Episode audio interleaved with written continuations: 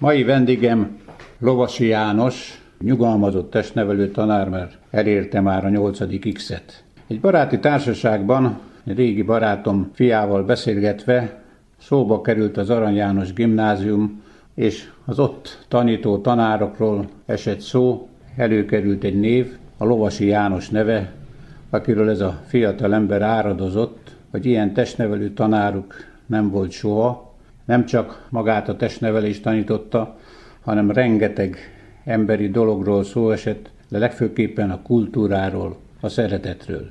Hát kedves János, hogy lettél te testnevelő tanár? Talán a végével kezdeném, ami a napokba fordult elő, hogy kaptam egy meghívást kedves tanítványaimtól egy érettségi találkozóra. A gyerekek, akik meghívtak engem, azok most éppen 68 évesek, és az 50. érettségi találkozójukra hívtak meg.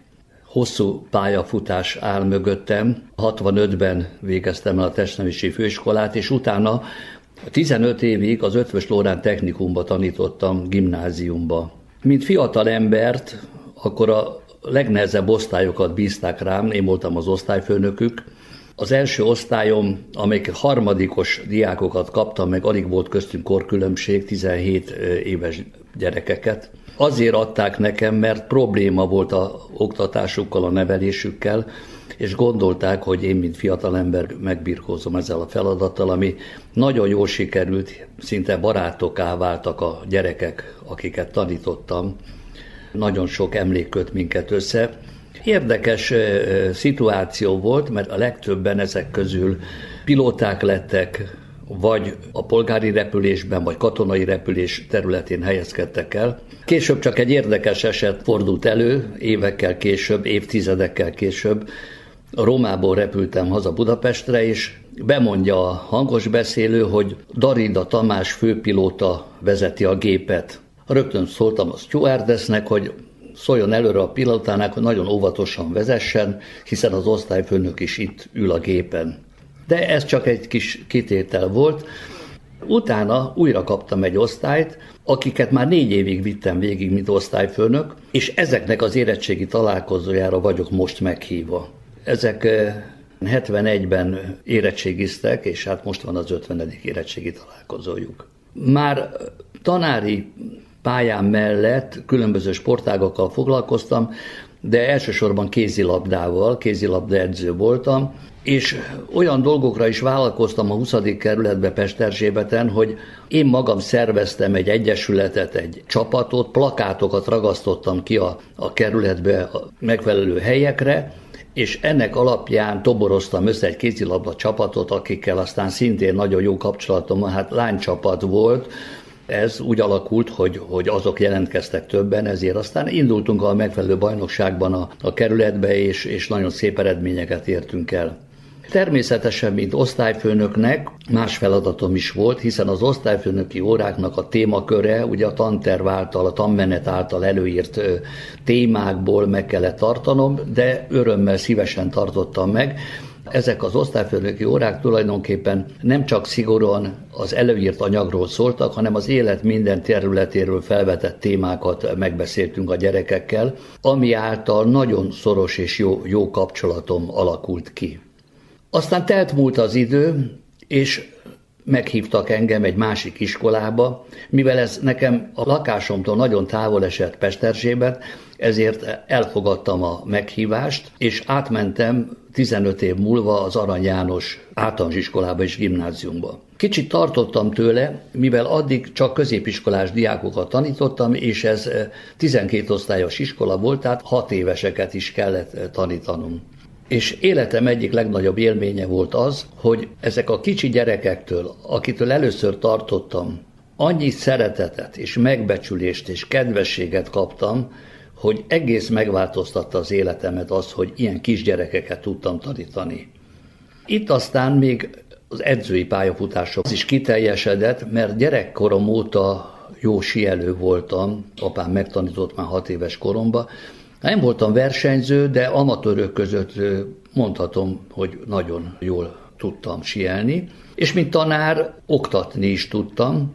Itt találkoztam egy kollégával, aki szintén hasonló érdeklődésű volt, és elindítottunk egy sítanfolyamot, Először az iskola berkein belül, de később aztán a Budapesti iskola keretei között, tehát mint edző, mint tréner dolgoztam az iskola mellett, és ezáltal rengeteg külföldi sitúrában volt részem, először természetesen Csehszlovákiában, akkor még Csehszlovákia volt, főleg Donováriba, de más helyekre is, és később aztán pedig jöttek az osztrák túrák, szinte egész Ausztriát bejártuk a, a diákokkal, minden évben szerveztünk, volt a név, hogy több sítábort is, de egy komolyabb nyugati sítábort, azt mindenképpen minden évben beiktattunk. És a síelésen kívül még ehhez csatlakozott az úgynevezett biciklitúrák, amik hát, hát az olyan Mentünk 40 gyerekkel egy busszal biciklitúrára Ausztriába, mondjuk Passau Bécs biciklitúrára, de mondhatnánk akármi más, mondjuk a Dráva túráról, ami olasz határól indul, és a Dráva mentén végig le Ausztria területén, csodálatos túra. Na visszatérve a szervezésre, mert az maga egy csoda volt, hogy 40-en ültünk a buszba, és egy másik buszba ki voltak véve az ülések, és tele volt biciklikkel. Mert a 40 biciklit el kellett vinnünk valahogy, akkor még nem voltak ilyen bicikli szállító autók, mint manapság. Tehát így oldottuk meg. Na, az osztrák határnál meg azt gondolták, hogy bicikli kereskedők vagyunk, vagy valami ilyesmi.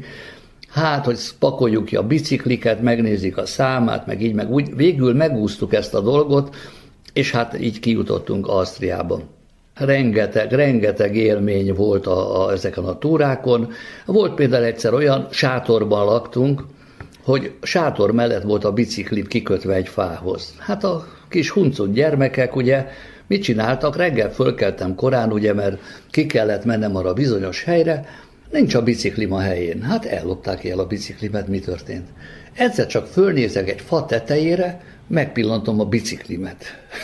Fölmásztam a fára, levettem a biciklit, visszatettem a helyére, és aztán mentünk reggelizni. Nem szóltam egy szót se. Néztek a gyerekek, néztek rám, sugdoloztak, mi egyéb. Kérdezze egy gyerek, tanár úr, nem történt valami a biciklével? Mondom, hát az egy biciklével, hát mi történt volna? Hát ott, ott van a fához kikötve.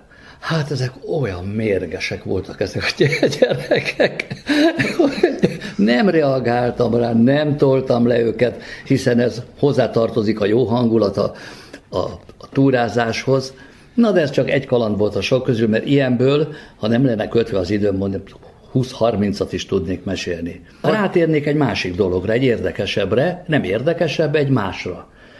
Csináltunk városnézésre túrák. Megmondom őszintén, hogy népszerű voltam a, az iskolába, a kollégámmal együtt, és amit mi szerveztünk, akárhova szerveztük, jöttek a gyerekek csőstől.